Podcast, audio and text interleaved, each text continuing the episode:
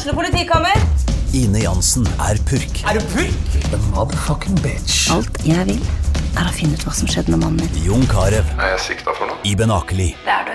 Ole So, Lars Berrum og Big Daddy Karsten. Hvem sin side er du på, egentlig? Anette Hoff, Tone Danielsen, Kommer du fra Afrika?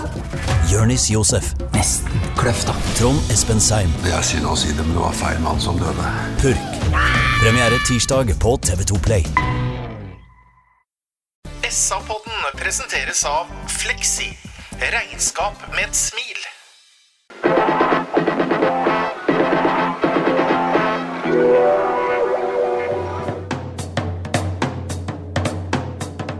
Sarpsborg Arbeiderblad gir deg en ny episode av SA-podden med Sven René Nygård, Øystein Weber, Petter Kalnes og Bjørn Inge Bingen Nilsen. God søndag og hjertelig velkommen til en ny utgave av SA-podden. Når jeg ser rundt meg i studio i dag, på dette utrolig fine knippet av unge, virile sarpinger, så tenker jeg på en perfekt eh, sommermiddag. En sånn eh, middag som kan definere en perfekt sommerdag. For her sitter f.eks. Sven René Nygård, som kunne vært rolla som en makrell, Sven! Ja, makrell, ja takk for det. Jeg tror jeg skulle bli medisterpølse eller noe sånt. Nei, du er makrell, vet du. Eller pir. ja. Og til denne makrellen så trenger vi noen nypoteter, gjerne med litt uh, rømme. Bingen, god dag. God dag, god dag. Øystein Weberg, du har blitt kalt veldig mye opp gjennom åra, men aldri agurksalat.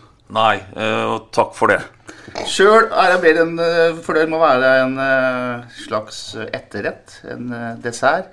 Og da blir det vel jordbær, da, tenker jeg. Så her er det altså makrell, nypoteter, agurksalat og jordbær. Kan ikke bli bedre enn det. Middagen vi fikk servert på Sarpsborg stadion lørdag kveld, Øystein, det var uh, Sarpsborg 8, Bodø-Glimt eh, 2-2. Vi tar en runde med helhetsinntrykket av matchen først.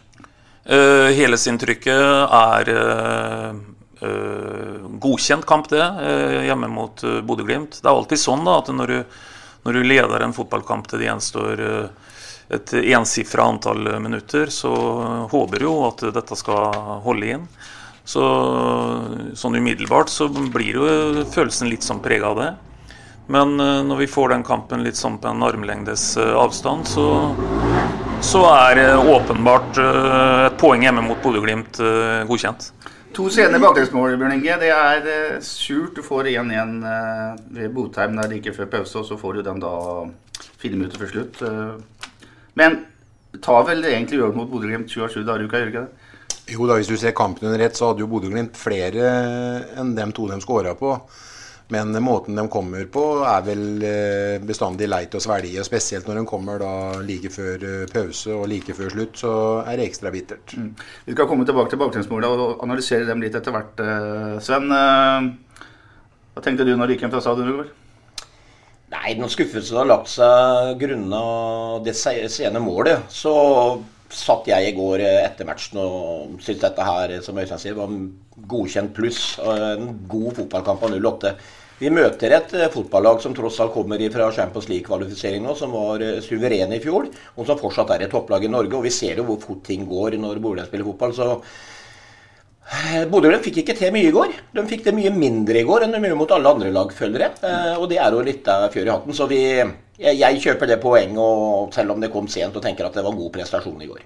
Lars Bohen, Sarpsborg 08s nye trener, han er ikke redd for å gjøre endringer på laget. Han eh, stiller sjelden med samme elveren to ganger på rad. I går var det altså Anders Kristiansen i mål.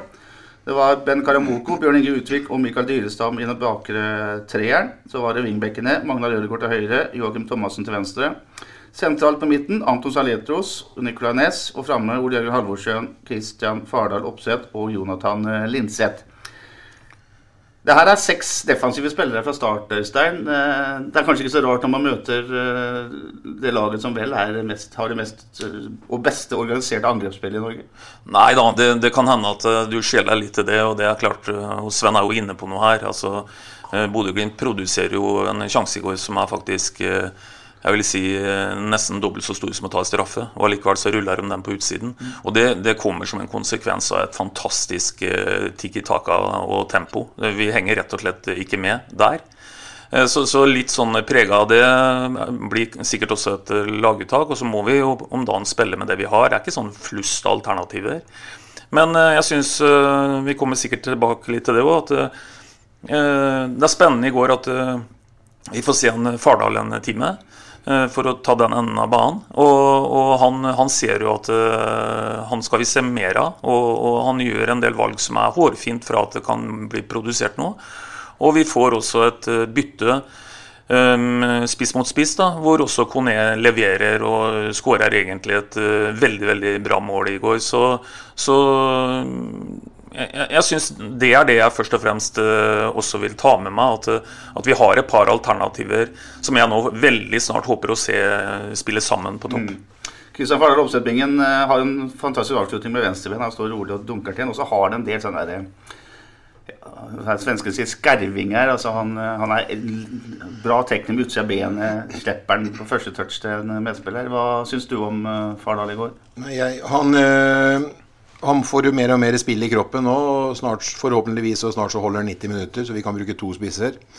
Men han øh, er øh, smart i løpet av sine, fine bevegelsene sine. Trenger ikke store rom for å, for å komme med det uventa. Og det så du jo på skuddet han hadde fra egentlig stillestående fra 16-18 meter, hvor øh, keeperen til Bodø-Glimt gjør en glimrende redning ganske tidlig i, i kampen. Så han er giftig og vet hvor øh, målet står. Men øh, den mest gledelige, hvis jeg kan ta det, den mest gledelige i går Jeg er litt sånn Karemboko-fan. og jeg tenkte at øh, nå er Dyrestam tilbake, nå blir det, ble, blir det han som må gå. Men da kom jo den uventa vrien at øh, det var plastikkaren Boko og Dyrenstam, og han skjøv Magnar opp i banen på, på høyre. og Det syns jeg var en eh, ganske bra suksessfaktor i går. Jeg syns eh, Magnar hadde kanskje kan, Magnar har hatt mange gode kamper, men det her var en av de beste kampene hans eh, de siste to sesongene. og Løste det veldig godt og var veldig aggressiv i presset og kom etter hele tiden og gikk i dueller og ønska aldri å tape en ball høyt i banen. Jeg er helt enig, eh, Bingen. Magnar var bra. Vi snakka mye om Magnar i fjor også, Bjørn Inge. Øh, vi nest, vi avskilta han ikke, men vi var skuffa over han. Eh, hva har han gjort i vinter, da? Eller foran sesongen her? Eh, han har definitivt revansjert seg, og Magnar har jo bestandig vært eh, godt trent og sjelden skada. Det er ikke noe tvil om at han ønska å revansjere seg. Og det var jo litt sånn uventa i fjor i sin beste alder, 27 år, at han skulle ha en dupp akkurat når vi forventa at han skulle være kanskje den bærebjelken i laget som han ikke ble i fjor. Men eh, i år så han ble visst at eh, mange tok feil. Magnar er definitivt ikke avskilta, og han spiller nå kanskje på, på toppen av karrieren og skal ha sine beste år en to-tre-fire to, to, år foran seg. Selvtillit er viktig i fotball, Det er, det er Ødegaard ett eksempel på. Ja, men Magnar vet du, han har i han. Han har i huet. Han er tøff i huet. Han har, det har han bestandig vært. Jeg har bestandig likt Magnar, fordi han er så utrolig bra duellspiller. Eh, og han hadde jo den duppen i fjor som dere prater om, men det er klart at han, han har i huet. Han har bare tatt hansken i år og bare bestemt seg. Og det ser du hver eneste nærkamp. Det er ikke noe tvil. Han går med hele kroppen, og han har helhjerta. Og eh, jeg sitter jo med en sånn følelse av at det fortsatt er ute så er det mange supportere som eh, på en måte verner litt for litt rundt våre egne lokale spillere. Eh, som faktisk jeg syns jokker igjen kommer og kommer og kommer og kommer og jobber som en helt. og Nei, de lokale gutta våre, Magnar og eh, Joakim spesielt, Ole Jørgen òg, hadde kanskje ikke sin beste kamp i går, men eh, de skal hylles litt, de også, for de er still going, denne gjengen der. Og Magnar var outstanding akkurat i går. Mm, helt enig. Et annet grep som ble gjort i går, Sven René, er at eh, Anton Saletos er tilbake sentralt på banen, på midtbanen sammen med Nicolay Næss. Han har jo vært litt på, på kanten framme de siste kampene. Hva tenker du om svensken? Jeg syns sånn generelt Jeg, jeg syns jo ikke Saletros var ekstremt god i går, men eh, han gjør mye bra. Eh, Jeg syns han har huka seg opp. Det er klart han skårer et mål endelig, ikke sant. Og jeg syns han har prestert bedre i de siste matchene enn det han har gjort tidligere i, i sesongen. Så et eller annet er på gang med, med han. Og det er klart at nå begynner de her mentale brikkene å falle litt på plass på en del spillere. Vi har fått en ny trener, det tar litt tid. Eh, og Så kan man snakke om hvilke lag man eh, bør slå osv. Men eh, det må jo gjøre noe med stallene våre, dette her. Når du drar på Lerkendal og vinner, når du slår Molde, og du spiller uavgjort på Bodø-Glimt, da vet jo alle at vi duger, da. Så det er noe med dette her at nå må du bare på en måte få ut den energien og den fandenivoldskheten også mot de lagene vi aller helst bør slå, altså de lagene vi kjemper imot. Så. Men vi har den i banken nå med at vi har skapt masse selvtillit. Mm. Bra. Eh, Kampen i går eh, Øystein, enden starter jo med at eh, Sarpsborg 8 er veldig dype. Bodø-Glimt tar på en måte taktpinnen fra starten, men så skjer et eller annet etter ca. ti minutter. Så får vi den omtalte sjansen til Fardal Opseth, der han uh, står uh, mer eller mindre rolig på en 17-18 meter og skyter med venstrebenet. Nydelig redning av Nikita Haikin. Og så er det 25 minutter uh, som har gått. Joakim Lindseth, nei, Jonathan Linseth har ballen på venstresida. Slår et innlegg. Og Det er mye blått foran mål, og det er jo det som til syvende og sist ender med Eller er grunnen til at det ender i skåring. Ja, absolutt, og det må jo til, det. Vi må ha trafikk inni i boksen til motstanderen. Ellers så blir det, blir det sjelden noe tellende resultat. Og jeg satt med en følelse i går at eh, etter en litt sånn en vag, litt sånn en nølende åpning, så, så fikk vi mer, eh, vi fikk mer tak i kampen etter hvert. og og det var litt sånn, om ikke helt forventa, så var det slett ikke uventa at at eh, kampforløpet ble litt sånn som det ble etter hvert, også i forhold til tellende resultat. Så, så jeg syns vi spiste oss mer og mer inn i kampen i mm. første omgang. Innlegget til Linseth blir da hedda inn i feltet igjen av Magne Rødegård. Og så er det en eh, bom fra en, eh, må jo være ærlig å si, fra en Bodø-Glimt-forsvarer. Og så er det Anton Saletos da, som får kriga ballen i mål. Og derfra og ut omgangen så er det stillingskrig, syns jeg. Og Bodø-Glimt skaper faktisk så og så ingenting. Det gjør vel heller ikke Sarpsborg 8, men øh, føler at Sarpsborg 8 har god kontroll. Men så skjer det noe i det 44. minutt, uh, Sven, som gammel forsvarsspiller.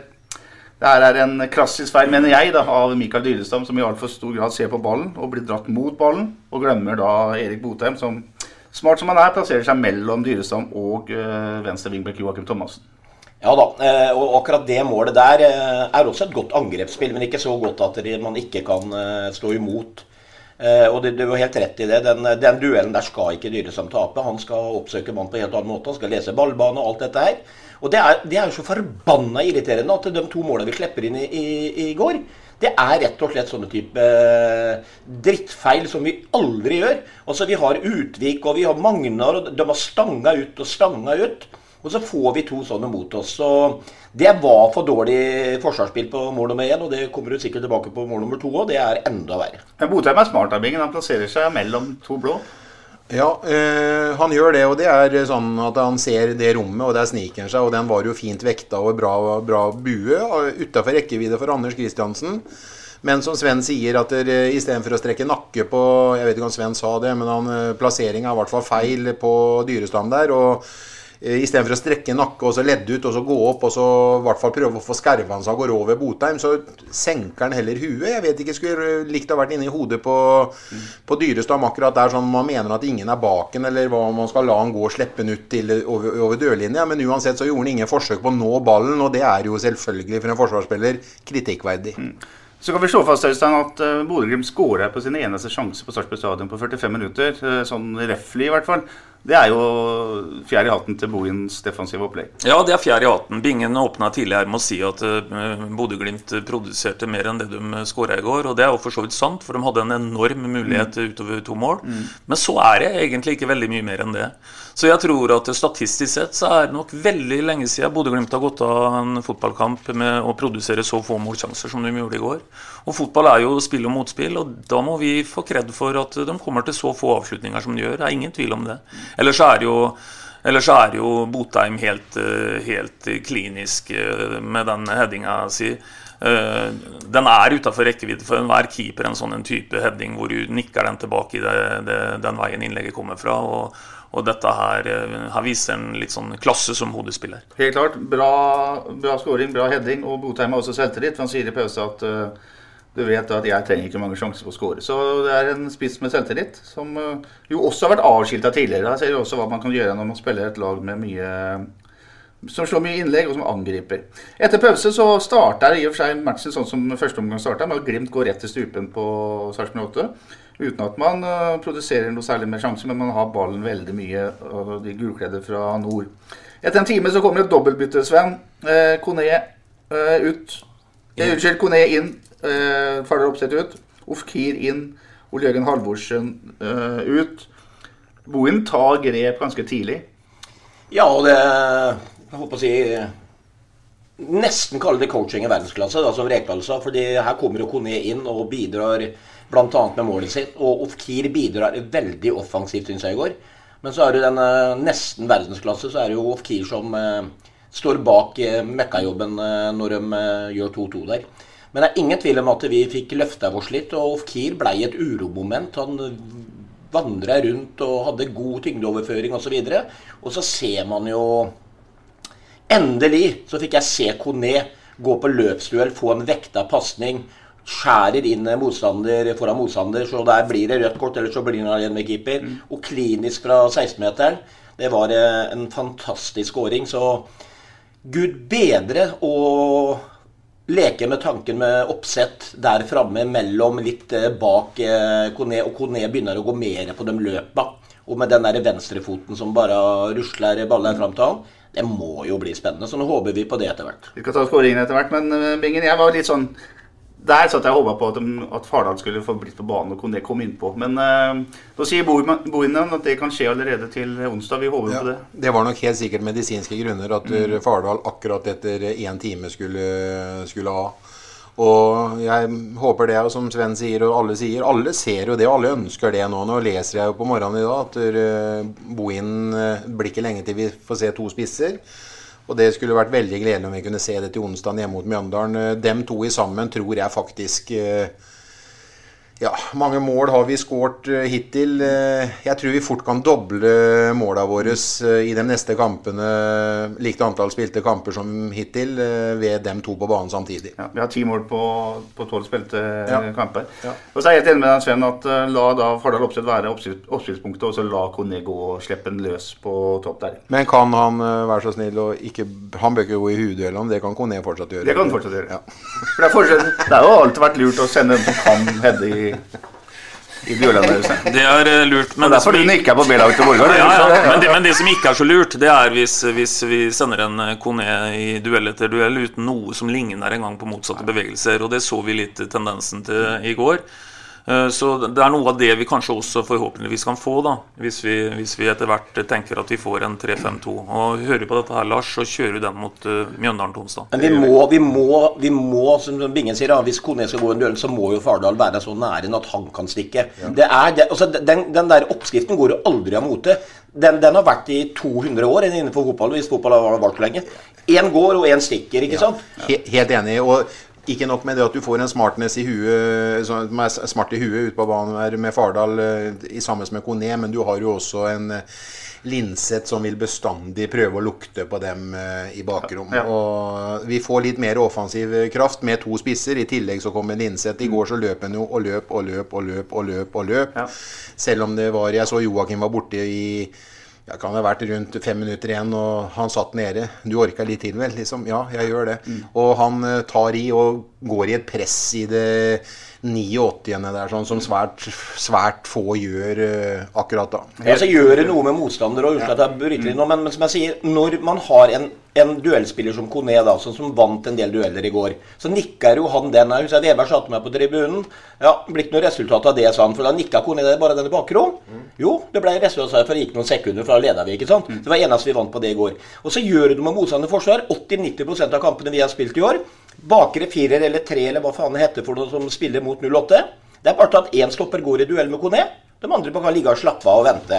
Så de, de, de, Vi får ikke strekt motstanderen vår. Vi får ikke forsvaret til motstanderen vår. De, de, de, de, de er så trygge, for de har ikke noe trussel bak seg. Og det må vi begynne å skape på en del situasjoner. Helt enig. Og jeg mener også at selv om man ikke skal legge opp til 3-5-2, så kan man spille med 3-4-3 og ha begge de to på banen. Du spiller litt skjevt. La Fardal og Kone bruke en time på å slå Mjøndalen eh, Lars Bohin. Det holder lenge. Da går de ut en time, så leder Sarpsborg 3-0. Vi tar skåringen etter 66 60 minutter, eh, Øystein Weber. Der er det, etter min mening i hvert fall, spesielt to ting. Det er er vekta pasningen til Linseth i akkurat riktig tidspunkt. Og så er det retningsforhandlinga til Kone når han får ballen og skjærer inn i banen, for å unngå å risikere å bli takla av forsvarsspilleren som kommer bak ham. Ja, For å bruke litt store ord, da, for å følge opp en Sven som bruker svære ord ofte, så, så er det tett innpå genialt, eh, den bevegelsen han Kone gjør der. For For når du gjør den bevegelsen der, så kan du faktisk til og med være treigere enn han som skal løpe deg opp, og likevel så setter hun litt sjakkmatt med å skrå innover som hun gjør der. For hvis du hadde utfordra i en ren løpeduell rett fram, så er det enklere for en forsvarsspiller som kanskje til og med er eh, like rask, og noen ganger til og med raskere, å, å kunne hente opp den. Men akkurat da Kone skjærer inn der, så har han satt egentlig forsvareren litt sjakkmatt. For plukker han borti akillesen til Kone der, så heter det rødt kort. Og tør han ikke å røre den, og det er jo det som ofte da skjer, så er Kone alene igjennom, og det var han, og satt den klinisk i hjørnet. Veldig, veldig bra bevegelse. Kontingsfotball det har vi etterlyst på Start Britannia-bingen. Eh, det her er en eh, konting tatt rett ut av reirboka. Akkurat da satt jeg og tenkte på det. Fy faderen, så flott det er å se på. Og så tenkte jeg på Bodø-Glimt i fjor. De skåra borti 100 mål, og de tok hver overgang de hadde mulighet på. Nå tok vi én mulighet ordentlig, og det blir det mål på. Mm. Og det er helt fantastisk flott uh, å se når vi gjør det, men vi gjør det oftere, gutter. Faderen kom med løpa med en gang vi erobrer og tør å gå i angrep. og Stikk den pasningen imellom, så er det målsjanse eller rødt kort eller skudd eller keeperredning. Det er i hvert fall en mulighet for å få mål. Og det er Kone på sitt aller beste, det her, Sven. Du får brukt farta si. Ja, og styrke. Uh, for det er som sagt, Hadde han kommet i en liten skulderduell der, så hadde jo Selv om ikke han hadde blitt felt, da, så hadde han stopperen antakeligvis bare blitt prella av han, og så vært enda mer alene. Så han er jo en perfekte mann å få der. Og det er jo som Drillo sa, fotball er jo ikke vanskelig. Det så vi jo der. Det er jo et enkelt fotballmål. Selv om det er en vekta pasning og en god avslutning, så er det jo nesten ikke touch vi trenger. ikke sant? Så er, en, en, bør ikke bruke tikka takka til enhver tid. Gjøre ting fort og, og, og helhjerta, sånn som i går. Og det er klart at vi har flere sånne muligheter i løpet av alle fotballkamper. vi. Det er bare å se dem og ta dem. 08s uh, vakreste mål, iallfall på hjemmebane i år, uh, vil jeg påstå. Men det er også bare mål nummer fire på hjemmebanebingen. Det der her, Da skjønner man jo at man er i bånn av tabellen. Ja, og nå har vi jo skåra Vi skårer jo altfor lite mål, og det har vi gjort snart i tre år. og det er jo en uh, kjensgjerning at uh, driver du der og driver og fifler med 30 pluss minus 30 mål i sesongen, så balanserer du på en knivsegg. Og vi er eh, på det samme utgangspunktet nå. Derfor ønsker jeg å se begge spissene på plass. Og jeg er sikker på at vi kommer til å få mye mer offensiv tyngde i laget. Og jeg er ikke så sikker på eh, vi, eh, at det skal gå så veldig mye utover den defensive, i og med at vi har den løpskrafta vi har, og den soliditeten og den derre treeren bak med Dyrestan Karemboko og i særdeleshet Bjørn Inge Utvik, den, den kommer til å feie unna ganske mye. Så jeg er sikker på at den tryggheten og den det helhjerta løpet tilbake med Joakim Thomassen og Magnar Rødegård at vi kan ramle ned i den femmeren fort som rakkeren. At vi skal utnytte to spisser når vi har to så gode spisser i laget vårt nå. At dem skal bli samspilte. Så kommer vi til å skåre flere mål, og vi får mye mer helhjerta løp. Og vi tør å ta overganger mye mer presist enn det vi har gjort hittil i sesongen. Mm. Det bringende siden her, Sven, er jo liksom uh, vilje til å angripe, vilje til å bruke mye folk på offensiv banehalvdel osv. Uh, tenker du at det er hovedproblemet til spørsmålet offensivt, eller er det systemet, eller er det at spillerne ikke fungerer sammen, eller er det for mye utskiftning? Eller? For det er faktum at man har skåra ti mål på tolv kamper, det er, og det er jo, som Binge sier, helt altså Du leker, leker jo med livet litt i Eliteserien med sånn målskår. Sikkert mange grunner. Alltid fra kvalitet på de offensive spillerne våre, selvfølgelig. Da kan du gå tilbake til sånn som Botheim i går. Altså han, eh, det er som jeg sier. Forskjellen på de dårligere og de beste lagene, de har enkeltspillere som tar den ene muligheten. ikke sant? Mm. Men det er klart at jeg er helt sikker på at det ligger i genene til 08 fortsatt, dessverre. Fra den eh, Jeg har lyst til å være kritisk. Jeg kaller det Vi har spilt møkkafotball eh, over lang tid. Uh, vi har vært defensive i holdninga under Stare. Vi har ligget på rett side med masse spillere. Og jeg sa det flere ganger i tidligere podder før Stare forsvant òg.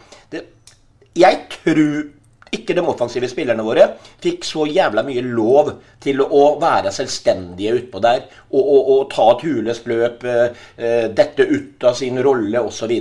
Vi må tørre det mer, og det tror jeg dessverre ligger litt i genene ennå. Selv om jeg vet og ser at Lars Bohine har gjort noe med det allerede, så har det blitt bedre. Men vi må enda mer fram. Vi må ta enda større sjanser i, i, i offensive spillet. Så får vi kanskje få en imot, da, men faen. Hvis vi får en imot pga. det, så skårer vi kanskje to i den kampen da. Så kommer du til pluss allikevel. Og så handler fotball fortsatt om underholdning, men selvfølgelig mest om poeng. Er du enig i at det tar tid å snu på en måte den tankegangen som kanskje preger det under Stare? Ja, altså det, det, tar sikkert litt tid. Og her peker vi jo på naturligvis det som er 08 eh, sitt eh, hovedproblem. For det er jo som Bingen er inne på, at det er jo ikke, Det er jo ikke de siste 14 dagene vi har uh, skåra lite mål. Vi har gjort det egentlig helt siden høsten 2018.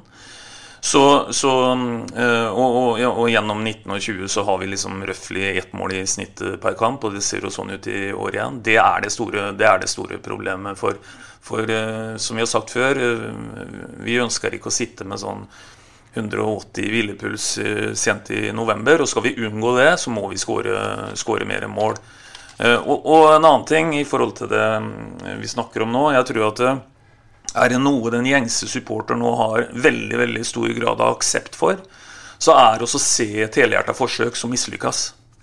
Det er ikke så farlig, det, altså. Bare, bare, bare en ser det. Altså, vi skal ikke veldig mange dagene tilbake til til en annen kamp 08 spiller jeg her, og den har jeg prøvd å fortrenge mest, mest mulig. Der ser vi veldig litt av, av, av hva skal vi kalle det, helhjerta offensive forsøk. Så ikke vær så redde for å mislykkes. Ta, ta, sjanser. Det er ikke så farlig å miste ballen langt inn på motstanderens banehalvdel. Og igjen, jeg tror at dette her er svær aksept for blant dem som følger laget. Eh, et, et, frekt forsøk som eventuelt mislykkes. Mm. Det går fint, det. Mm. Helt enig. Du nevner en kamp som, vi har, som du også er inne på har prøvd å fortrenge, nemlig Sandefjord-kampen forrige helg, som endte med, med tap. Eh, vi kan i og for seg blåse i den bingen, men vi kan uh, bruke to ord på to minutter på hvordan kan et lag variere, sånn som de gjør her? Fra, fra Molde, som er kanonfotball, til Sandefjord, og nå tilbake til Bodø-Glimt. En meget god kamp. Uh, går det an å forklare det? Mm. Altså, for å fortsette, Lars Bogen klarer å forklare det. Det kom veldig sjokkerende, mm. den uh, forferdelig møkkakamp. Uh, går og gleder deg gjennom en hel uke uh, etter at vi har slått Molde til Sandefjordkamp Sandefjord-kamp på, mm. på, lørdag kveld, og det bygger seg opp, og du merker det bruser, og vi skal bort der og være gode, og så kommer årtiers tiers møkkakamp i, i, Sandefjord. Noe som gjør at alle blir så lei seg. Jeg tror ikke det er forberedelsen til Lars Bohinen eller taktikken til Lars Bohinen mm, som er fokuset her. sånn. Det er rett og slett eh, og det kan godt hende at de vil alle, fotballspillere bestandig nekte på, men her er det noe med innstillingen i kollektivet til eh, den elveren som går på banen, som ikke er helt oppe og går. At de føler at de er bedre enn det de egentlig er etter Moldekampen, og at Sandefjord skal være lett match og er tippa i bånn. Og da glemmer de fort at Sandefjord har to kamper eh, på rad med, med seire før eh, de drar til Sandefjord. Og det var så dårlig, så det trenges vel egentlig ikke Og det vet de godt, og det er de ferdig med. Så jeg tror ikke vi skal si noe mer om det. Vi er vel ferdig med det, er vi ikke det? Men hvem er det som, eh, Hva er årsaken til at eh, Eller hvem er det som drar det opp igjen? Altså? Hva tror du foran Bodø-Glimt-kampen? Er det fordi det er Bodø-Glimt som motstander at det i seg sjøl er en motivasjon, i og med at det er seriemesteren og, og fjorårets store lag? liksom? Jeg, jeg, tror dessverre at uh, Jeg har bestandig vært opptatt av mentalitet. Jeg er både som aktiv fotballspiller sjøl og har mentaliteten på plass. Uh, jeg tror det er masse mentale ting rundt det der. Og det at man møter de topplagene, det har mye å si. Eh, og så tror man kanskje at dette skal ordne seg litt, og da mister du de få prosentene. Hvis alle elleve mister 5% hver, så blir det ganske mange prosent. Men det er jo ikke bare Sarpsborg 08 som sliter med sånt. Er, hvis man begynner å gå gjennom laga i Eliteserien i år, som har vært opp og ned Ta et Viking, da. Mm. Som har blomstra. Så tapper de 3-0 borte mot Sandefjord. Og så spiller de 3-3 hjemme mot bondelaget Stabæk. Og så slår de de andre topplagene og spiller festfotball. Og så De er jo ustabile som fy, de må selv ha flere poeng. Så prestasjonene de tror jeg varierer sånn mest pga. huer og ikke noe særlig annet. Mm. Helt, uh, helt, enig med deg. Uh, vi går videre, Øystein. Før vi går videre, så kan du komme med det noe jeg vet du er opptatt av, nemlig uh, tabellen, resultater. Og hvilke lag du egentlig skal slå for å få den plasseringa på tabellen du ønsker deg. For du mener at det å slå Molde hjemme er, det er viktig, men det er viktigere å slå Sandefjord borte. Ja, dette er veldig enkel logikk. Eh, vi kan bruke de to eh, kampene der som et eksempel. Etter kampen mot Sandefjord borte, som Bingen sier var en fryktelig nedtur, så sto vi med tolv poeng. Hvis vi hadde bytta resultat i de to kampene, vi hadde tapt hjemme mot Molde, men vi hadde slått Sandefjord i Sandefjord, så hadde vi selvsagt fortsatt stått med tolv poeng. Men den vesentlige forskjellen er at da hadde ikke Sandefjord ligget tre poeng foran oss, som de gjorde etter den kampen mm. der. Det betyr at uh, vi kan analysere dette her opp i det vide og det breie. Men nå blir det helt utrolig viktig å stille med lada batterier til onsdag mot Mjøndalen. For jeg må bare gjenta at uh, inntil det motsatte er uh, helt spikra bevist, så tror jeg at dette i år igjen blir en tøff kamp. Uh, jeg håper at vi begynner å se parlag som, som vi ganske sikkert kan forhåpentligvis legge bak oss, men ingenting er hogga i sten her. Og det er ikke noe vanskelig å se for seg at Mjøndalen er ett av de lagene som, som vi helst skal ha bak oss på tabellen. Og det gjør vi først og fremst med å slå dem. Men eh, Det høres kanskje kjedelig ut, i hvert fall når vi skal ha dem hjemme. Men, eh, men det er milevis forskjell på å tape og spille uavgjort også. Mm. Eh, så, så, det tapet i Sandefjord det, det, er veldig kostbart av flere grunner. For det er de lagene rundt oss der. Og igjen, eh, poenget mot Bodø-Glimt, vel og bra. Og det står i banken, vi kommer aldri til å miste det. Men misforstå meg rett, det er litt lite verdt hvis vi går på en blemme til onsdag. Mm, jeg er helt enig. En annen ting som er en mangelvare som, jeg, som vi virkelig savner i Sarpsborg 8, er jo en rekke rekke med seire. Altså Bingen har snakka om fem på rad, men la oss klare oss med tre på rad. da. Tenk hva det vil gjøre på en tabellplassering, for her er det liksom litt himmel og helvete fra helg til helg, eh, som sikkert skyldes uh, mye som vi kan uh, analysere i hjel, men vi lar det være akkurat nå. Går tilbake til kampen, da. Etter 71. minutt så har Hugo Vetlesen alle sjansers mor. Etter glimrende forsvarsspill så, så bommer han på åpent mål. Der er Sarpsborg 8 griseheldig, for å si det rett ut. Så ser det ut som man kan ro dette i landsvenn, men så kommer da 2-2-skåringen til Marius Høybråten i det 85. spilleminutt. Nok et innlegg, eh, nok en eh, tellefeil. Eh, denne gangen er det vel Ofkir som, som sover litt. Ja, dessverre så kommer Ofkir i den situasjonen og skal forsvare den situasjonen. Eh, og det er ikke han god nok til. Det er for å se at Ofkir er offensivt bygd. ikke sant? Han eh, han ligger egentlig, sånn som jeg husker det, helt perfekt. Han ligger et par meter foran motstander. Akkurat en passe justering mens ballen går i lufta. Så har du alle muligheter til å ta ut den motspilleren din eller vinne duellen. Så er han helt på skyggesida. Han ser den ikke engang, tror jeg. Og så bare går han foran og header inn et enkelt mål. Så det der var et Jeg vet det, jeg, jeg så på Bohinen, for jeg satt rett bak der. Han var helt oppgitt i ansiktet. ikke sant? Han, han rista på huet og gikk bare inn og satte seg. For det er klart, det er, sånne mål kan du ikke slippe inn. Eh, hadde han Vetlesen skåra, så hadde jeg tatt det ti av ti ganger. For det, det er bare hylle. Som du sier, er Et angrepsspill som United eller Liverpool eller hvem som helst kunne ikke slått imot. Det gikk så fort. Det har vært greit, men det målet vi fikk imot, skandale. Dessverre. Og der røk vi to poeng på elendig forsvarsspill. Eh, så grotesk har jeg lyst til å være. Mm. God heading, eh, Bingen. Ingenting å laste keeperen for. Anders Kristiansen. Nei, Anders Kristiansen, han øh, kunne ikke ta den. Eh, tidligere i sesongen så hadde han kunne kanskje ta, holdt buret rent, men han hadde ikke akkurat den plasseringa, akkurat den intuisjonen på hvor den motstand, be, måla, begge måla kom imot i går. Men øh, hvis du tenker som en trener, og som Sven sier her nå i forhold til i går Det ble skåra fire mål på stadionet i går. Og tre av dem er sånn som at vi syns at vi skulle stått imot begge våre, og vi skåra det første våres på akkurat samme måte som mm. Knutsen i Bodø-Glimt tenker at den skulle vi stått imot òg. Mm, mm. Og så var det én praktskåring som jeg har lyst til å si at var fantastisk. Og egentlig skal du vel, eh, akkurat som Sven hadde Hugo Vetlesen skåra den som han bommer på åpent mål på, så satt vi vår mulighet på et overgangsspill som var helt fantastisk. Så det var ett mål som var et ordentlig flott mål på stadionet i går, og det var vårt andre. Mm. Og så er det faktisk sånn at de to trenerne, eh, Kjell Knutsen, klarer også å si han skryter av målet til Sarpsborg men han sier også at uh, de er jo i ubalanse. Han er ikke fornøyd med forsvarsspillet der, selvfølgelig, selv om det er praktfullt det Sarpsborg 8 gjør. Så. Ja, han uttalte vel det at de vil slappe inn to drittmål. Ja, treneren, altså, trenerne mener at man slapp inn og, når, når, når, og, jeg mener det at der, så lenge kontringsfotball mm. står i læreboka, mm. og det fins Kontringsfotball fins for alle lag. Mm. Det vet jo Bodø-Glimt alt om. Mm. Og når han går ut og sier to drittmål Altså, Den kontringen og avslutninga ja, ja. til Kone, det er et mål tatt ja, ut av eh, Rashford, eh, langpassen du husker, og dem her i Europa. Altså, det er jo et fantastisk fotballmål! Mm. Og jeg blir lei meg igjen når han klarer å påstå at det er et drittmål de slipper inn. Da Knutsen, Knutsen hører nok ikke på poden. Nei, han, han, er part i saken, du, så du må slutte med å bli lei deg for det. Altså. Det er jo helt vanlig treneruttalelse, det greiene der. Men det går an å forvente at en trener kan si at det er, nå syns jeg 8 skulle hatt fint mål. Det går an, eller? Jeg, jeg sitter jo her og hyller det forsøket som ja. Vetlesen skulle skåre. Jeg hadde jo bare nesten kunnet stelt meg opp på stadion og klappa. Jeg.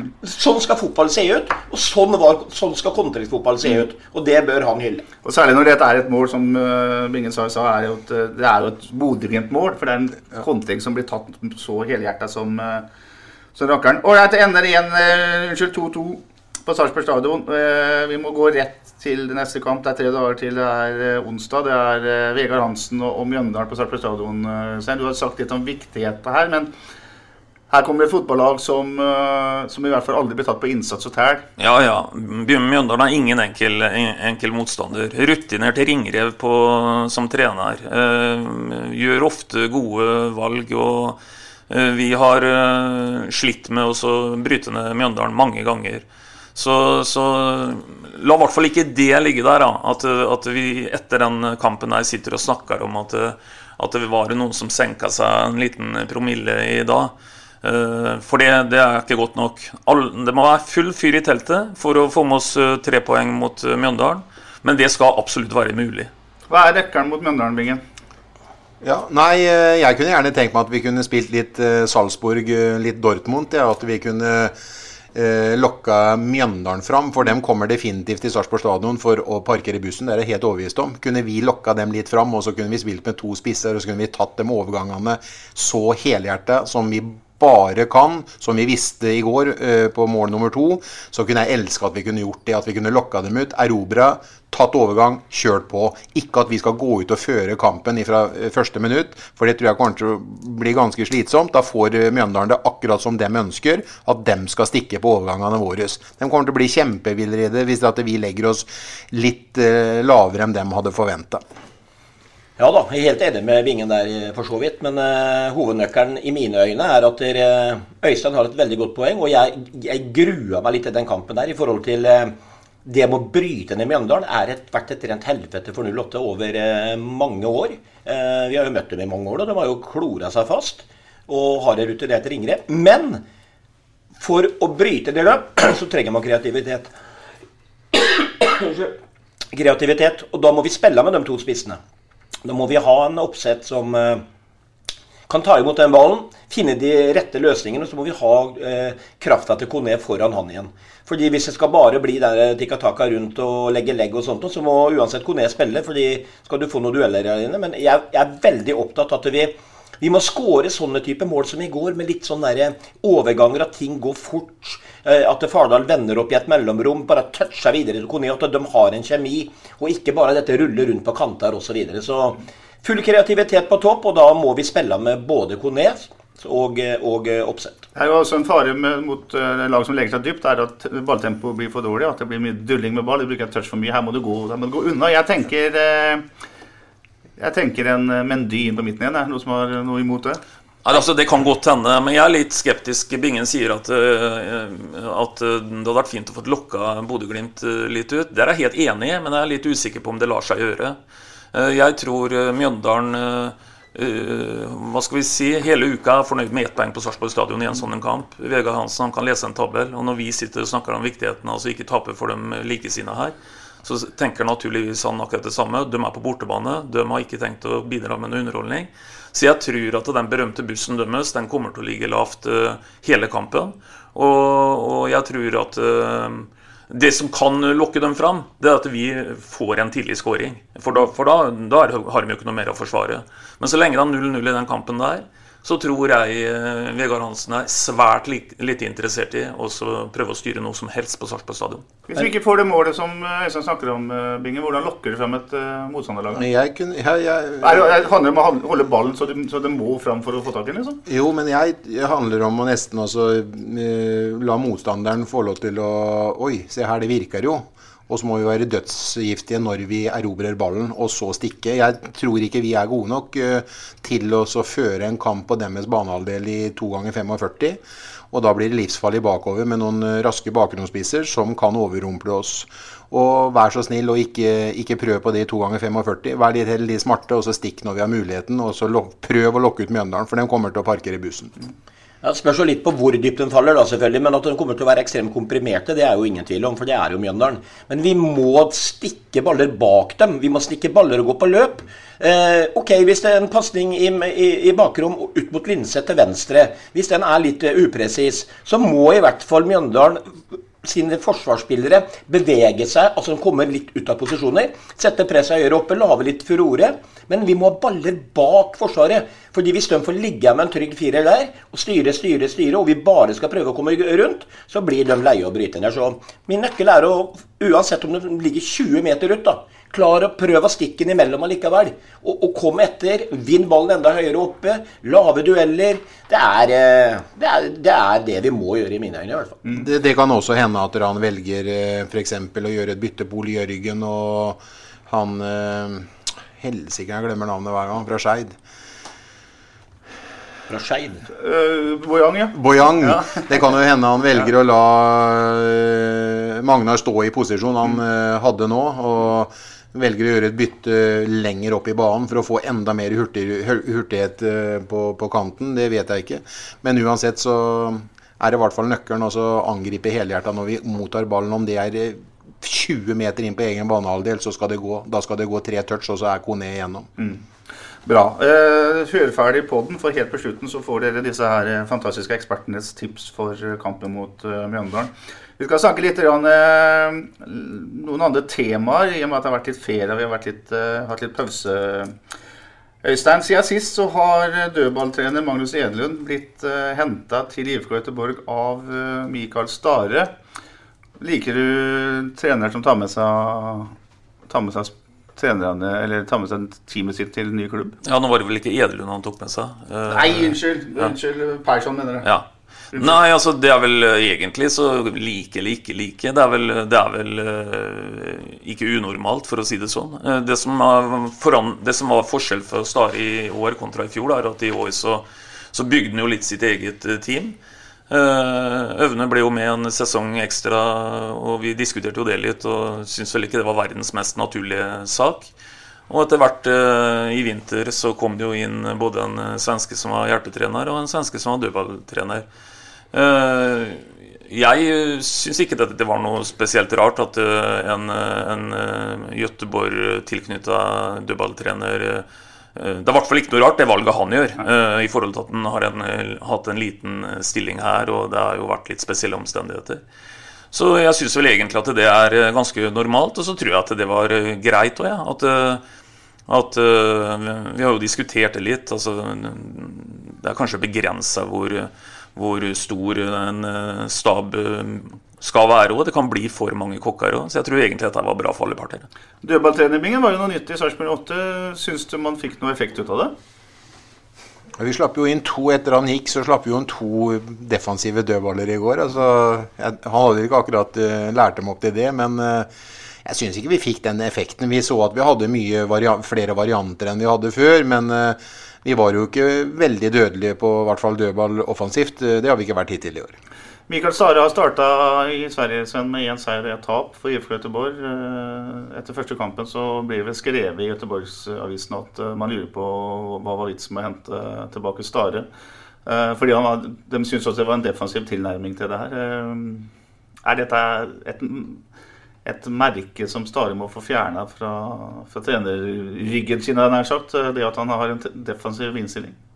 Ja, Men han kan jo ikke fjerne det hvis han ikke gjør noe med det sjøl. Altså, hvis han går bort der og fortsetter å parkere bussen og, og la få spillere få lov til å være med i lengderetning osv., så, videre, så får han aldri fjerna det. Da må han sjøl begynne å spille på en annen type, en annen type fotball. da. Så jeg har ingenting imot Stare generelt, men eh, jeg, jeg, jeg hadde liksom aldri ordentlig trua på de greiene der. Og etter hvert som jeg så fotballkamper og måter vi spilte på, så, så følte jeg liksom at uh, vi spilte en type fotball som var så destruktiv, og han var så organisert at det var nesten slitsomt. Det var liksom, du, kunne, du, kunne, du så den samme fotballkampen hver gang.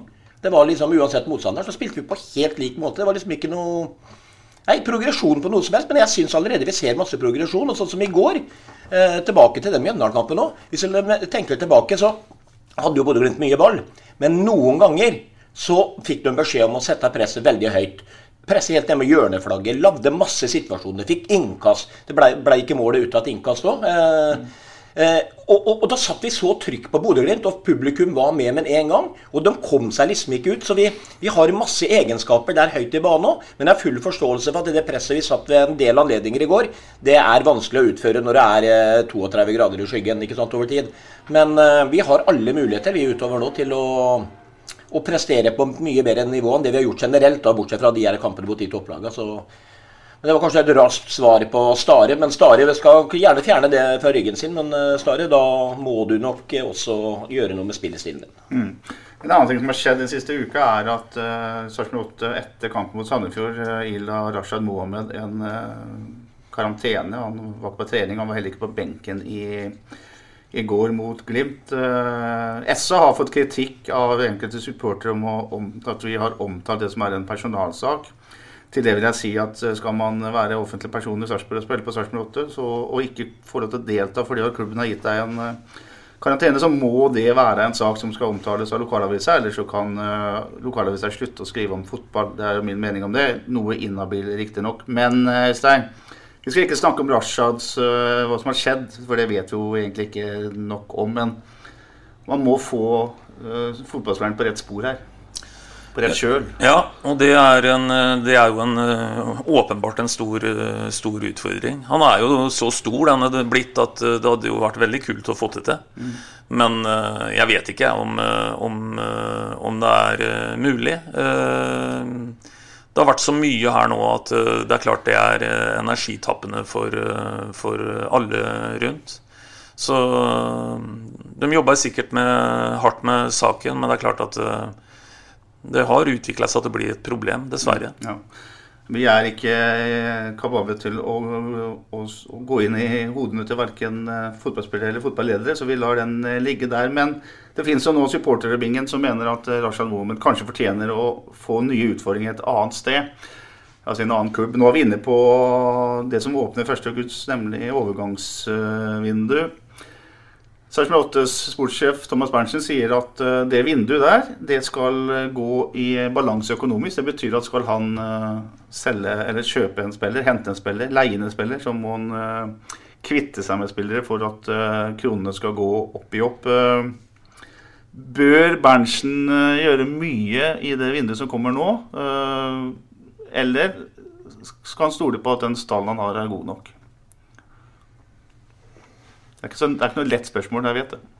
Nei, altså vi har jo henta inn uh, spillere i år som skulle i utgangspunktet forsterke laget, som egentlig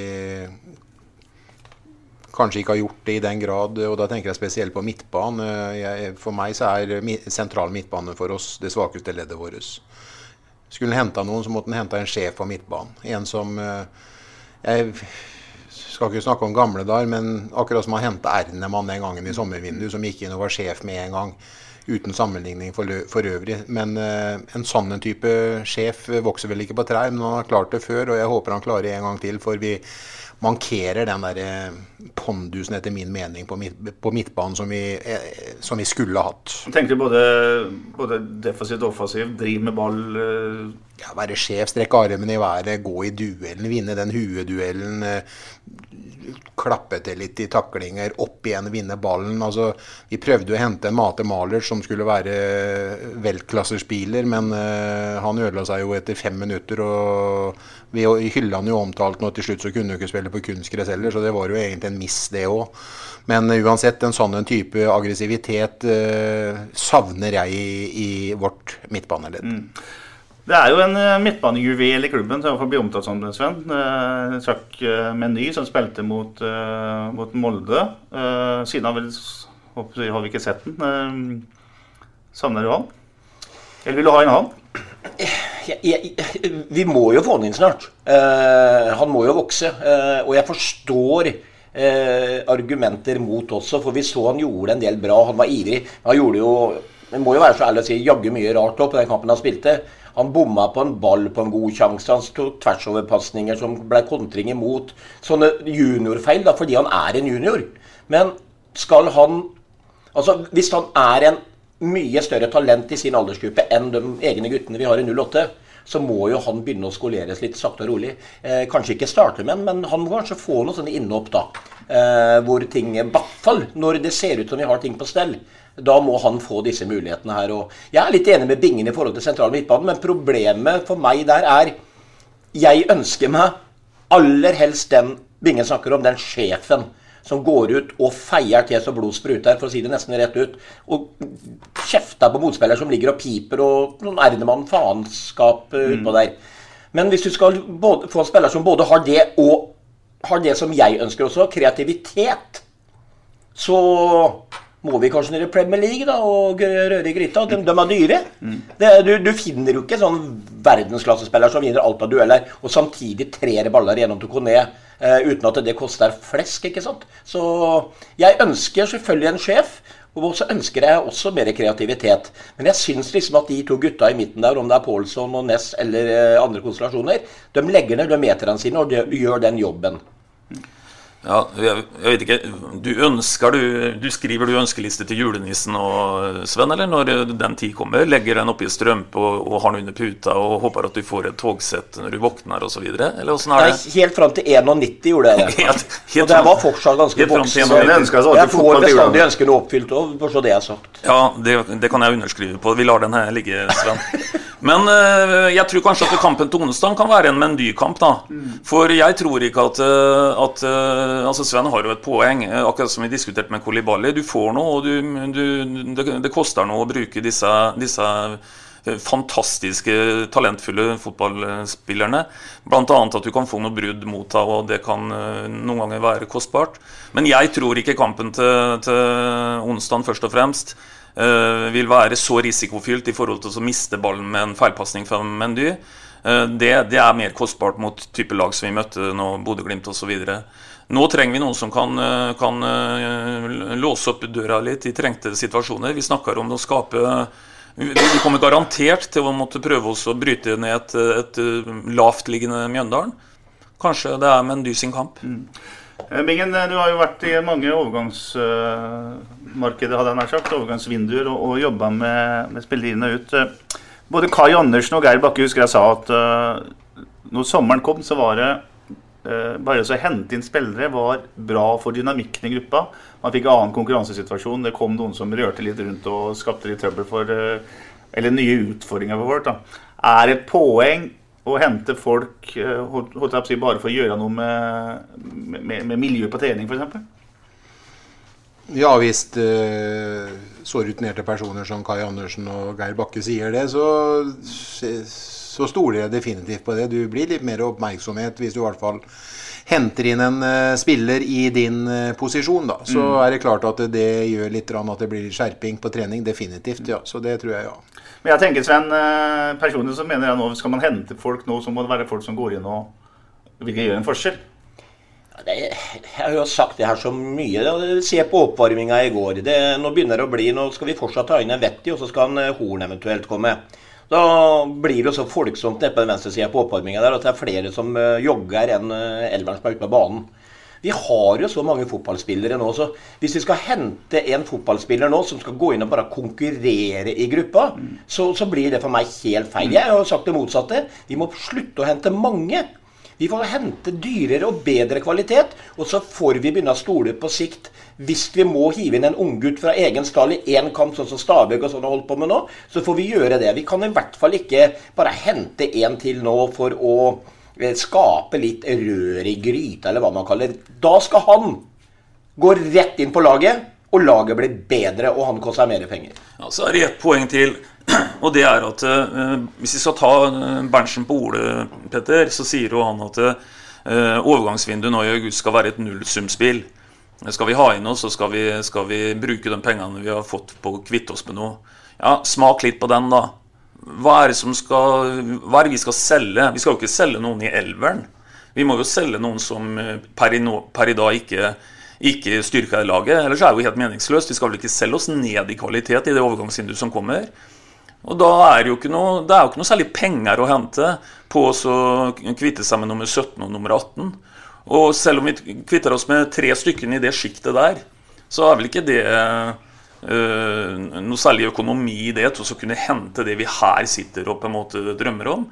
Så jeg tror at uh, hvis vi skal forholde oss til det Berntsen sier i forhold til økonomien, så kommer det ikke inn veldig mye nytt. Det tror jeg er konklusjonen.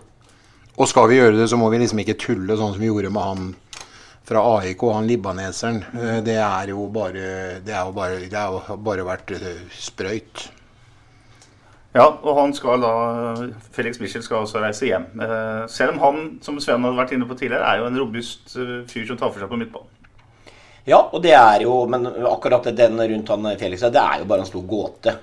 Han har jo ja, Skal ikke jeg være dum i munnen, og sånn, men han har jo fått lønn. Og han har vært på ferie uh, her. og Jo, jo, men også fått trena litt. Og så har han uh, fått opplevd Sarpsborg. Han har jo ikke spilt fotball. Han har spilt fotball på trening og kommet inn et innhopp. Så, så det der blei jo, ble jo bare rart, det. Og tydeligvis så er den jo ikke god nok heller, da. Uh, for da hadde de jo brukt den i noen av kampene de hadde en mulighet til. Og jeg sa jo det når han kom inn, jeg. han var litt spennende i mine øyne. fordi han var jo overalt der ballen var, og det skalla jo ned egen medspiller. og Det var liksom rør rundt den hele tida. Han kom jo inn og kriga, i hvert fall.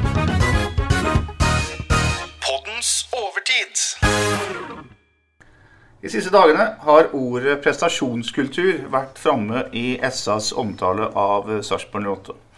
Både sportssjef Thomas Berntsen og målvakt Andre Kristiansen sier at kravene til spillerne i klubben på mange måter var større i suksessåra 2017 og 2018 spesielt. Man sier altså at det å være Sarpsborg 08-spiller i dag ikke er så kravstort som det var i disse åra, da man bl.a. gjorde suksess i Europa og tok eh, bronsemedalje i eh, ligaen.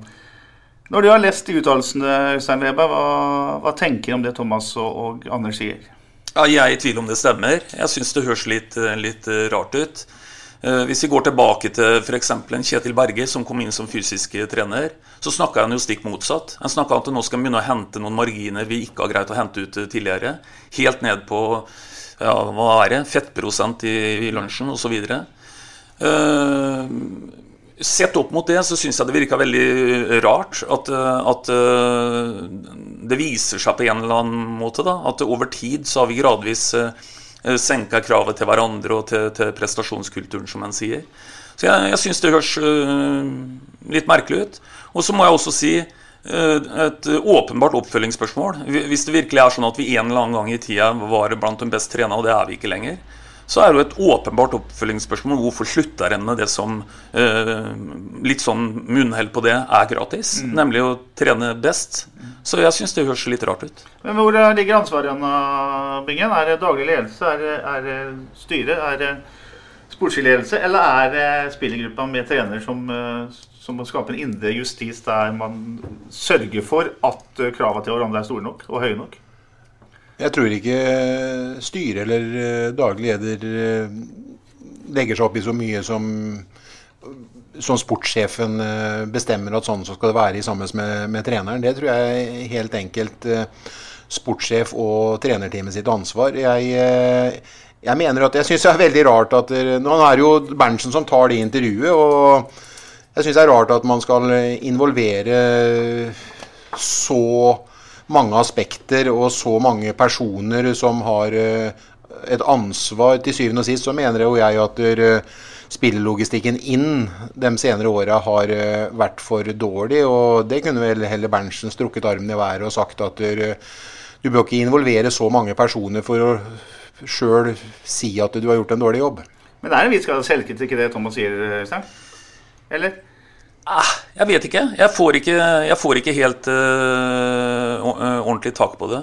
Og, og i vinter, uh, Petter, så hadde jo du en, en, lang serie med program hvor du intervjua en Michael Stare og en spillerutvikler og en assistent, og en kalte du for var det Level A18 som var det nye prosjektet nå? Jeg husker Du spurte meg hva jeg syntes om det navnet, og da sa jeg at det er innholdet som er interessant. Du kan kalle det tanta til Hepstars ganger tolv. Det, det er innholdet som betyr noe. Og Hvis innholdet da betyr at vi har senka oss ned på et lavere nivå, eller at eh, Da har vi jo mista det viktigste i dette her, da. Så jeg, jeg syns det er eh, Jeg syns det der er eh, Jeg får ikke helt tak på det. Men Sven, hvis du, hvis du hører det Anders Kristiansen sier, så sier han også at han kommer tilbake til en klubb der eh, kulturen i garderoben er annerledes enn var når han dro. Når han dro, så var de Da gikk de jo på fløy dem i himmelen, hadde jeg nær sagt. Og hadde suksess, spesielt da i Europa det siste året til Kristiansen. Er det ikke sånn at Vi kan bruke deg som eksempel. da. Du, du var en fotballspiller som stilte krav til deg sjøl, voldsomme krav til deg sjøl, og da nødvendigvis, eller selvfølgelig, hadde du også rett til å stille krav til dem du var lagkaptein for. Jeg tipper at en eh, Matti Lund Nilsen, en Patrick Mortensen, en Kristoffer Sakariassen osv. var premissleverandører for det som skjedde i garderoben, og det de tok med seg ut på banen. Kan det være så enkelt at den spilleren som ikke er i klubben i dag, på en måte ikke har de lederegenskapene? Du er en klok mann, Petter, og det er vel noe av det klokeste jeg har hørt du har sagt noen gang. Takk skal du ha. Eh, og jeg er helt enig. altså og Bingen er jo også innenfor det samme når han snakker om spill i logistikk. Det handler om å hente de rette typene når noen går ut. Og du har mista sjefer. Altså Patrick Mortensen han gikk jo i krigen i de duellene. Doff han løpte mer enn alle andre norske fotballspillere. Han satt linja for medspillere. Og Matti Lund Nilsen var gjennomprofesjonell ikke sant? og satt store krav til seg sjøl og til andre. For hver gang du mister en spiller av, de formatene som du nevnte der, så mister du jo noe i gruppa også. Og det er jo om å gjøre å finne spillere som kan komme inn og ha tilnærming til dem. Så det der er jeg helt sikker på er en stor del. Men samtidig så blir jeg jo veldig overraska over eh, at man kan sitte og se på dette her eh, daglig sakte og rolig og ikke gjøre noe med det. For jeg tenker at det må jo være et, som som Bingen sier, ansvar på sportssjef og på, på trener å sette disse kravene her. Og ikke Espen Engebretsen som sitter oppe på kontoret og, og, og, jobber med andre ting. Så jeg syns det er så rart at de har latt det eventuelt skure og gå, at de har mista den biten der. Men jeg står på det som du sier. Spilletyper i gruppe. Røske og ride i garderoben. Komme inn uh, som Ferguson gjorde, kaste en føner i huet på folk og si at dette gidder jeg ikke å være med på lenger. Og da lager du en, uh, en liten sånn en innbyrdes krig der inne som gjør at gutta står litt på tå heve. Og sikkert uh, sikkert viktig å få en ordentlig sjef etter hvert. Ja. ja, og så En kommentar til, Petter, for vi må ta historikken her. Når, hvis Anders Kristiansen sier at han syns at det, at det er blitt et lavere nivå, så er det litt ekstra rart. For Anders Kristiansen var ikke med høsten 18 i Europa. Da sto en Vasutin bl.a. i mål. Så, så, det Anders Kristiansen har som referanse her, det er fram til Da var vi jo gode i bronsesesong osv. Etter det så er vi jo ute i Europa. Og, og vi, klubben har jo sagt mange ganger at det der var utrolig mange læringspunkter. Jeg antar at et av læringspunktene det var å møte profesjonelle fotballag og så se hvor lista lå i forhold til seriøsitet og alt mulig. Så det logiske her det ville jo vært at når Anders Kristiansen kommer tilbake til en klubb som har vært ute og lært masse i Europa, at han skulle tenkt her ser jeg tydelig at den har eh, tatt med seg en god del læringspunkter, og ikke det motsatte. Mm. Derfor så syns jeg det der høres eh, rart ut, og jeg er også enig med det Sven sier, at det, eh, det blir jo veldig kritikkverdig hvis en, hvis en, sitter og ser på at over tid så, så, så mister en noen små marginer. Og jeg syns som sagt at det er ekstra rart når det egentlig er det motsatte som er kommunisert underveis på reisa. Mm. Og så er det tydelig at Ordet prestasjonskultur tydeligvis har blitt et ord man bruker mye der nede nå. for i og med at en, en uh, sportssjef tar det fram sjøl, det er greit, men at også at en, en, en, målvakt i et uh, helt ordinært intervju med lokalavisa trekker fram ordet og begrepet, så er det tydelig at det er noe man har fokus på. Og så er det der, Ordet kultur er jo liksom ganske vagt og liksom svevende, da, men er det ikke det, Øystein, liksom når vi snakker om kultur i næringslivet, sånn, så er det noe som henger i veggene. Og hvis det, det som er i veggene på Sarpsborg stadion, er at man ikke sier nok krav til hverandre samtidig som man ikke vinner nok fotballkamper, så er jo det det er skummelt. Ja, det er veldig skummelt. Og, og, hvis det er sant da, at det virkelig er sånn, så har en veldig fryktelig dårlig tid med å gjøre noe med det. For, for, for det har en rett og slett ikke anledning til. Og, og, men, men, men du, du, kan fort være inne på noe veldig sentralt i forhold til at det, det sitter kultur i veggene, men det sitter også naturligvis eh, i en del folk som er kulturbærere i kraft av å være der. Og, og uh, CV-en til en del av dem uh, som han Sven nevnte nå, det er klart han har mista noe på veien der i forhold til uh, ledelsesfigurer. det er ingen tvil om. Altså Du kan bygge kultur, så tenker jeg også det da, at du må ha kontinuitet også. Og Sarpsborg 08 er vel kjent for å være en av de lagene som bytter spillere i stall mer enn noen andre. Og hvis han Per kommer inn til tirsdag og skal spille i 08, og Per forsvinner tirsdag om syv uker. Du får ikke bygd noe kontinuitet rundt det. Så det er klart, For en del av de fotballagene som spiller mye med den samme stammen hele tida, sånn som Bodø rundt i fjor, da, bytta vel ikke en spiller, ikke sant? da bygde jo de veldig kultur i løpet av det året der. Men når spillere kommer inn og forsvinner, så blir jo den rotasjonen veldig stor. så da er det selvfølgelig veldig viktig med type Magnar Ødegård, Joakim Thomassen, de gutta som har vært der i mange år, i hvert fall. Så får vi håpe at de er sterke nok ledere. Men uh, de tre du nevnte i stad, Petter, de uh, Altså, Sakariassen har jo dratt til Norges mest mektige klubb, altså Rosenborg, som ikke presserer nå. Men han, han har jo satt standarden for alle, han. Og du ser åssen de flokker seg rundt de her hvitkledde. Han pumper inn mål og alt dette her. Og nå får han belønninga med å tjene noen ekstra millioner, så ja, vi har mista mye på veien, det har vi gjort. Men vi har fått mye penger på banken nå. Og helt til slutt, Bingen, det her, Hvis vi forutsetter at det er på en måte spillerne som kommer inn som på veldig mange måter skal sette standarden her, så, så viser det jo litt hvor vanskelig den her eh, rekrutteringsjobben tross alt er. Da, for du skal ha en god fotballspiller, men du skal også innimellom i hvert fall finne en, en leder som kan dra laget. Ja, Da henter de vel ikke sultne nok, da. Og hvis det spillerne får uh, mer makt enn uh, Sånn som jeg tolker det intervjuet, da, så er det jo sånn at man må begynne nå å reversere tingen, for de har mista noe på veien. Og det har jo på en måte standarden og premissene til, eh, og kravene til dem som har blitt henta, dem har liksom på en måte blitt vanna ut litt på veien i forhold til hvordan det var når f.eks. Zakariassen eller Sigurd Rosted uh, typ Jørgen Horn, som vi vet står for en mentalitet, men er så kraftig hensynsløs mot seg sjøl i spillestilen at han blir skada litt oftere. Og vi vet jo ikke om han kommer tilbake på banen engang.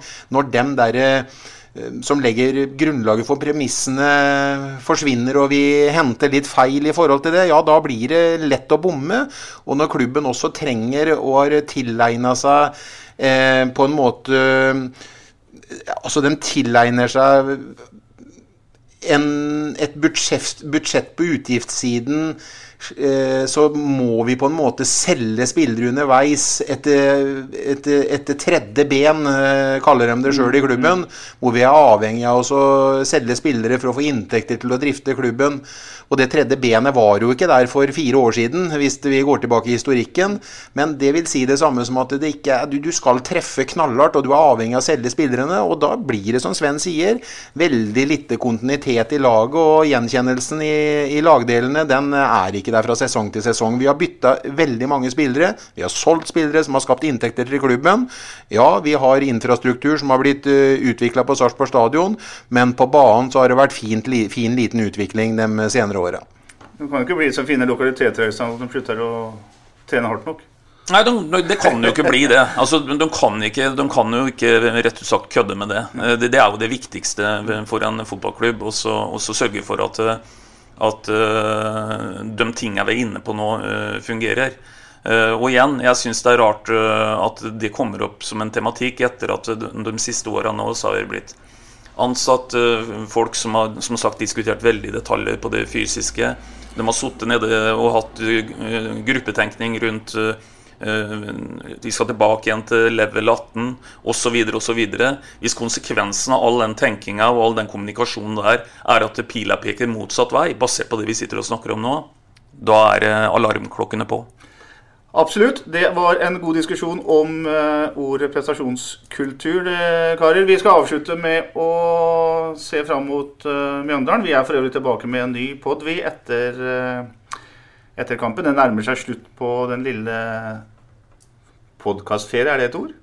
Ja, og så spør meg først nå, så guttene ikke får så mye å uh, ja, Spør deg om hvordan været blir til onsdag, eller? Ja, været tror jeg blir brukbart. Og så ja, tror jeg Du tipper jo først hver gang. Nei, nei, nei, det gjør jeg ikke. Men Du har ikke tippa riktig én gang ennå? Nei, men uh, takk det samme etter det. Uh, men det som skjer til onsdag, gutter uh, for, for, den bussen som Bingen vil lokke fram, den tror jeg ikke kommer fram av seg sjøl. Men han kommer fram ved at vi skårer et tidlig mål, og da kommer de litt fram i banen.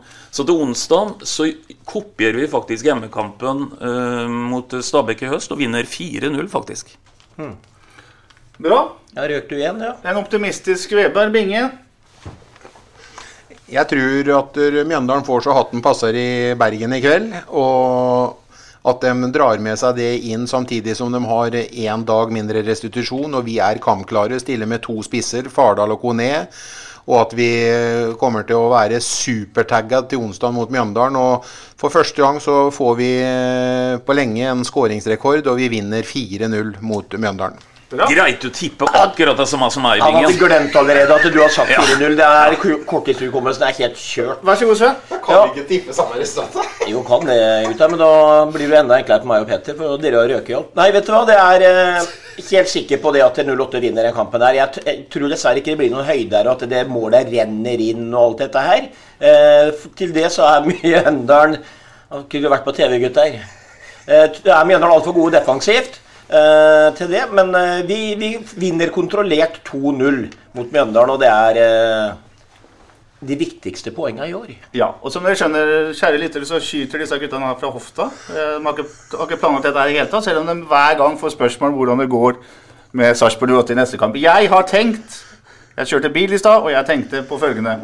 Sarpsborg 08, Mjøndalen 4-0. Ja!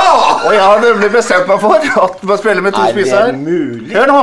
Men jeg går litt lenger. med det. Kone skårer to mål, ett av dem på straffespark.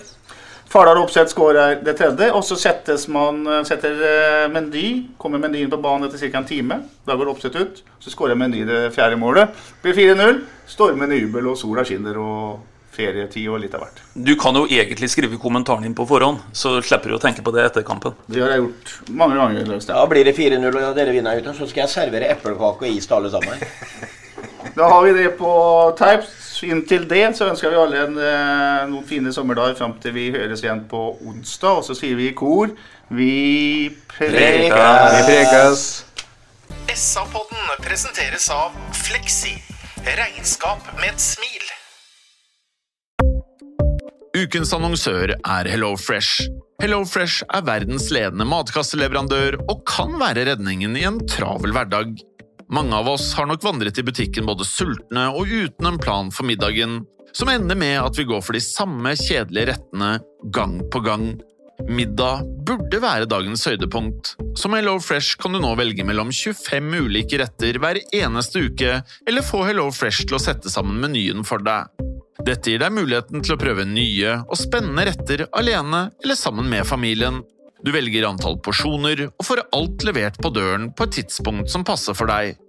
Oppskriftene er enkle, og maten er lett å lage både for store og for små.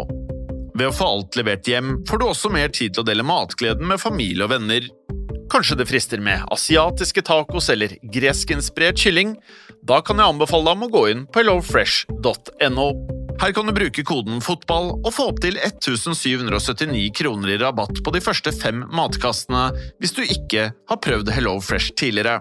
Du kan også bruke rabatten hvis du har vært kunde og stoppet abonnementet ditt for tolv måneder siden eller lengre. Gå inn på hellofresh.no og bruk koden FOTBALL. Har du et enkeltpersonforetak eller en liten bedrift? Da er du sikkert lei av å høre meg snakke om hvor enkelt det er med kvitteringer og bilag i fiken, så vi eh, gir oss her, vi. Fordi vi liker enkelt. Fiken superenkelt regnskap.